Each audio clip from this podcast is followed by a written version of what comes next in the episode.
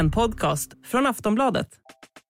Podden presenteras av Avanza som gör det billigare, bättre och enklare att spara och investera.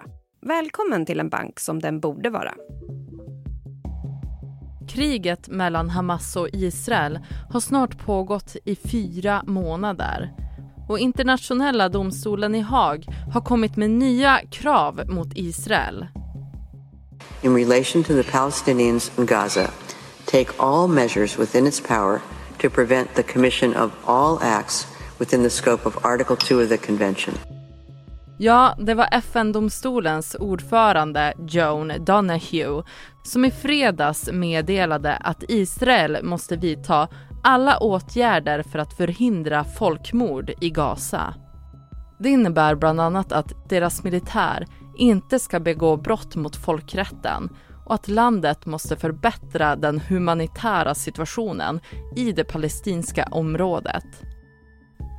Så hur kan det här beskedet påverka situationen i Gaza? Kommer Israel att följa domstolens beslut? Och hur har omvärlden reagerat?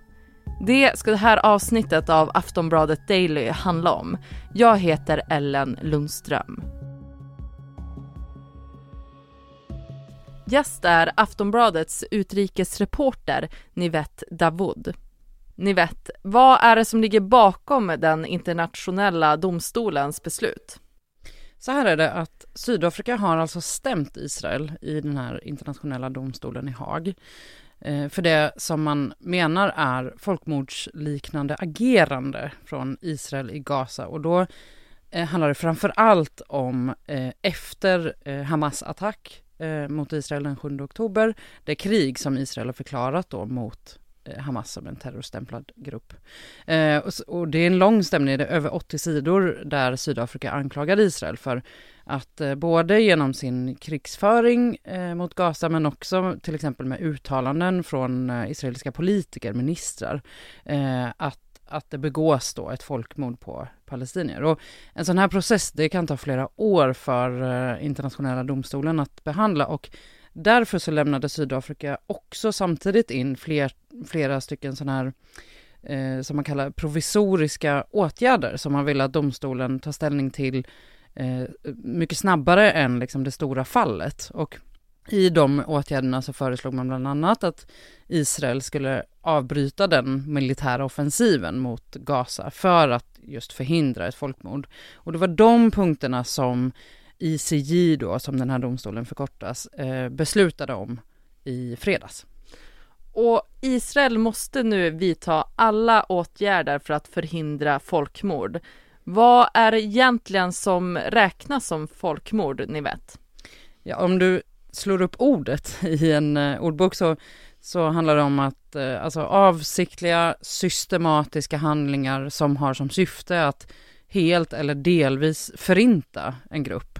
Eh, och den gruppen kan till exempel definieras av nationalitet eller etnicitet, ras eller religiös tillhörighet.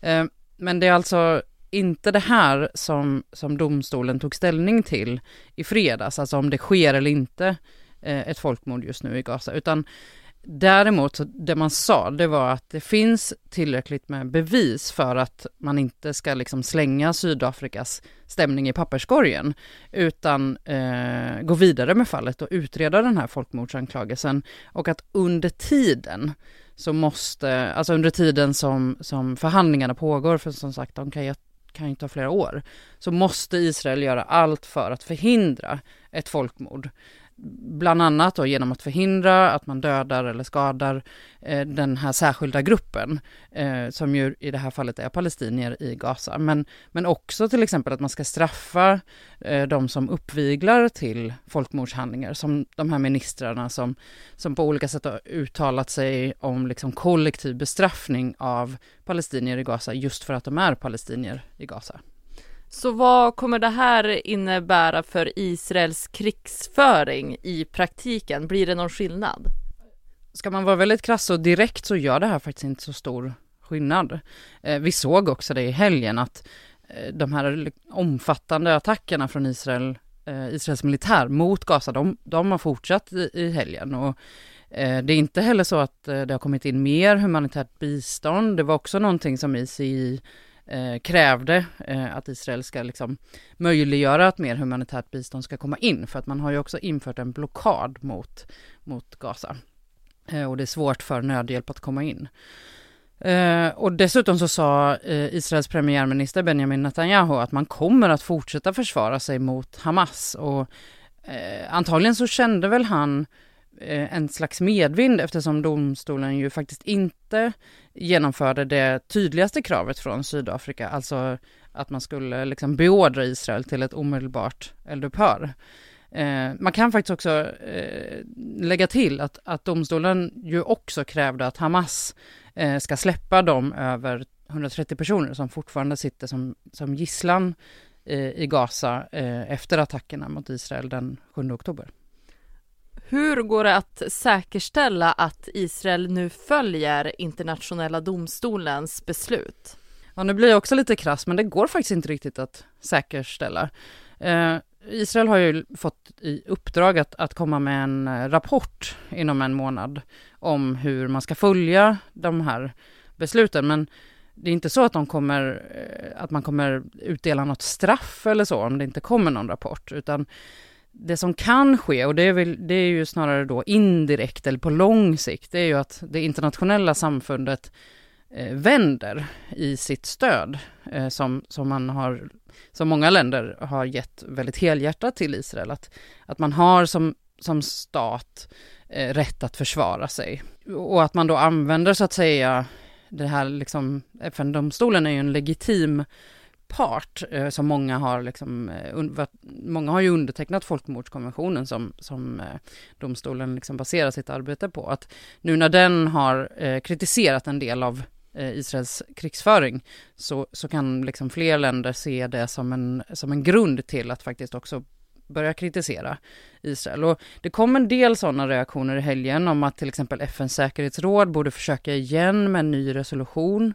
När säkerhetsrådet lägger en resolution och godtar den, då är ju den bindande och då kan man börja kräva saker eller införa sanktioner. Men alltså Israels främsta allierade USA eh, har ju inte visat något tecken på att man eh, vacklar eller så i sitt Eh, väldigt grundmurade stöd till Israel, även om man har börjat eh, ja, kanske inte kritisera, men åtminstone ifrågasätta viss del av, av Israels krigsföring och pratat om att civila måste skyddas och sådär, så har man inte, man har ju liksom inte vänt. Och det är också USA som har lagt in ett veto i säkerhetsrådet så att det inte har blivit någon resolution. Så hur har omvärlden reagerat på det här beskedet? Det ska vi prata mer om efter den här korta pausen. Tired of ads barging into your favorite news podcasts? Good news. Ad-free listening is available on Amazon Music. For all the music plus top podcasts included with your Prime membership. Stay up to date on everything newsworthy by downloading the Amazon Music app for free or go to amazon.com slash news ad free. That's amazon.com slash news ad free to catch up on the latest episodes without the ads. Rättsprocessen mot Israel börjar i slutet av december. Ni vet, varför var det just Sydafrika som lämnade in en ansökan om att inleda en utredning av Israels krigsföring i Gaza? Ja, men så här att alla länder som har undertecknat den här eh, folkmordskonventionen, som den kallas lite slarvigt, eh, får stämma andra stater som också har undertecknat eh, Eh, i den här domstolen. Och eh, både Sydafrika och Israel har undertecknat eh, den här konventionen. Så att eh, därför kan Sydafrika stämma Israel, trots att man ju inte riktigt är en tydlig part i alla fall i den här eh, konflikten. Och sen finns det förstås, det kan man prata ganska mycket om, en, en viss symbolik i att det är just Sydafrika, för att eh, den tidigare apartheidregimen har haft en, en stark relation med Israel. Och efter att den föll så har liksom Sydafrikas ledning mer och mer lutat åt pro-palestinskt håll. Eh, men som sagt, egentligen så skulle något annat land också ha kunnat lämna in den här stämningen. Och efter att beskedet kom i fredags, vad har det väckts för internationella reaktioner? Väldigt blandade. Eh, det finns de som är förvånade, positivt förvånade kan man väl säga, över att eh, internationella domstolen faktiskt eh, ändå kritiserade Israel rätt så kraftigt. När man lyssnar på förhandlingarna så, så eh, pratar man liksom om att det är en väldigt tragisk situation och att eh, utvecklingen är farlig och så vidare. Och sen så finns det de som är besvikna över att, man, att domstolen inte beordrar det här eldupphöret som Sydafrika hade som sitt absolut tydligaste krav. Liksom. Du kan nog hitta ungefär lika många tolkningar av det här beslutet som det finns människor som tycker någonting om det här kriget. Men sen så kom det ju också en nyhet eh, ganska kort efter, alltså bara någon timme eller två efter domstolens beslut. Eh, och det är egentligen den som har dominerat medieflödet faktiskt mer. Och det handlar ju då om, om FNs organ för palestinska flyktingar, UNRWA, som är eh, ja, men den största eh, verksamheten som finns i Gaza och som har skolor och vårdcentraler och jättemycket arbete och sedan många, många år tillbaka. Eh, I bland annat Gaza ska sägas, även på Västbanken till exempel. Och den nyheten som kom var att eh, man har sparkat 12 anställda som eh, anklagas för att ha varit delaktiga i Hamas eh, attacker den 7 oktober. Och det har ju fått enorma internationella reaktioner. Eh, USA som är, som är UNRWAs största biståndsgivare har pausat sitt stöd och flera länder har följt efter. Jag kan säga att Sverige fortfarande utreder hur man ska göra. Och de här anklagelserna har funnits ett tag. Eh, det är inget som är, som är beslutat eller man har inte kommit fram till liksom ett, eh, ett svar. Eh, och, eh, och de utreds ju nu. FN har varit väldigt tydliga med det, att man vill gå till botten med vad som har hänt. Ehm, och det finns ju de som, som tycker att det är konstig timing att det här blev en nyhet så snabbt efter domstolens beslut. Eh, särskilt faktiskt som domstolen ju citerade UNRWAs eh, anställda, alltså chefer och ja, men tog med FN-rapporter om läget i Gaza. För att FN är ju en av få som faktiskt är på plats i Gaza. Det är, journalister kommer inte in, eh, andra hjälporganisationer har svårt att få in eh, personal och så vidare. Och FN har ju också svarat kring just det här, att det, det här riskerar att bli förödande för Gazas befolkning. Eh, det är ju de som påverkas mest av, eh, ja, både liksom UNRWAs hjälp, men också eh, om nödhjälpen då eh, blir, får mindre resurser helt enkelt. Så att egentligen de internationella relationerna har liksom eh, flyttats lite, fokus har flyttats från ICJ-beslutet till, till FN i Gaza så att säga. Och med tanke på ICJ-beslutet så har du ju varit inne på det att domstolen skulle kunna ha beordrat Israel att avsluta sin krigsföring i Gaza. Men det beslutet tog de inte. Varför det? Nej, precis. Och eh, ICJ underströk ju faktiskt också att Israel har rätt att försvara sig. Eh, jag pratade med en professor i eh, folkrätt precis efter beslutet och, och hon sa så här, Eh, det här var nog ett sätt för domstolen att resonera rimligt eller reson, liksom realistiskt. För att Israel har också eh, sagt sen tidigare innan beslutet kom att man, kom, eh, man kommer inte följa ett sådant beslut. Eh, därför att det skulle eh, ge eh, Hamas fri lejd att fortsätta sina raketattacker som ju faktiskt, de pågår ju varje dag eh, gentemot, eh, gentemot Israel.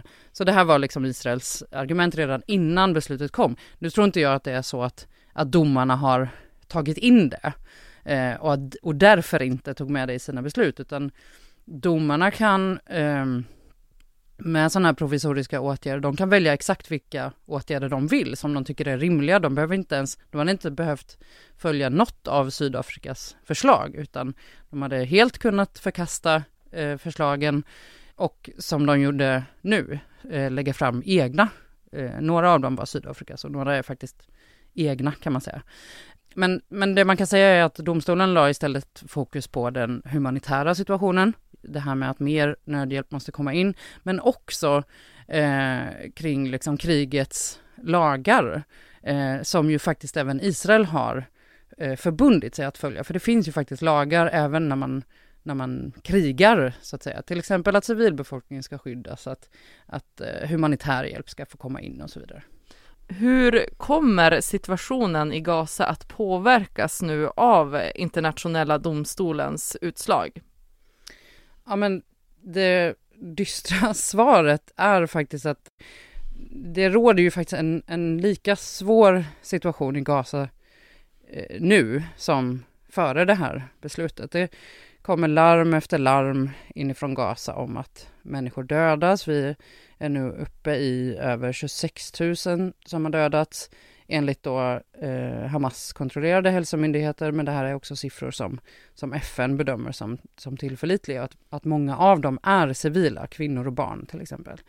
Eh, FN själva och även andra organisationer har varnat för att just den här bristen på nödhjälp eh, riskerar att, att försätta hundratusentals eh, människor i Gaza i liksom svält. Man pratar redan nu om akut hunger och, och människor som tar till extrema åtgärder bara för att, för att barn, barnen ska få äta sig mätta och sjukdomar som sprids och väldigt många som har liksom förflyttats från sina hem och får leva i väldigt svåra förhållanden, tältläger och så vidare. Så läget i Gaza är faktiskt fortfarande akut och det är ingenting som domstolsbeslut har ändrat på. Det säger Aftonbladets utrikesreporter Nivette Davoud. Du har lyssnat på Aftonbladet Daily. Jag heter Ellen Lundström och det här avsnittet spelades in måndagen den 29 januari. Vi hörs snart igen. Tired of ads barging into your favorite news podcasts? Good news. Ad-free listening is available on Amazon Music for all the music plus top podcasts included with your Prime membership. Stay up to date on everything newsworthy by downloading the Amazon Music app for free or go to amazon.com slash news ad free. That's amazon.com slash news ad free to catch up on the latest episodes without the ads. Du har lyssnat på en podcast från Aftonbladet. Ansvarig utgivare är Lena K Samuelsson. Tired of ads barging into your favorite news podcasts? Good news. Ad-free listening is available on Amazon Music for all the music plus top podcasts included with your Prime membership. Stay up to date on everything newsworthy by downloading the Amazon Music app for free or go to amazon.com slash news ad free. That's amazon.com slash news ad free to catch up on the latest episodes without the ads.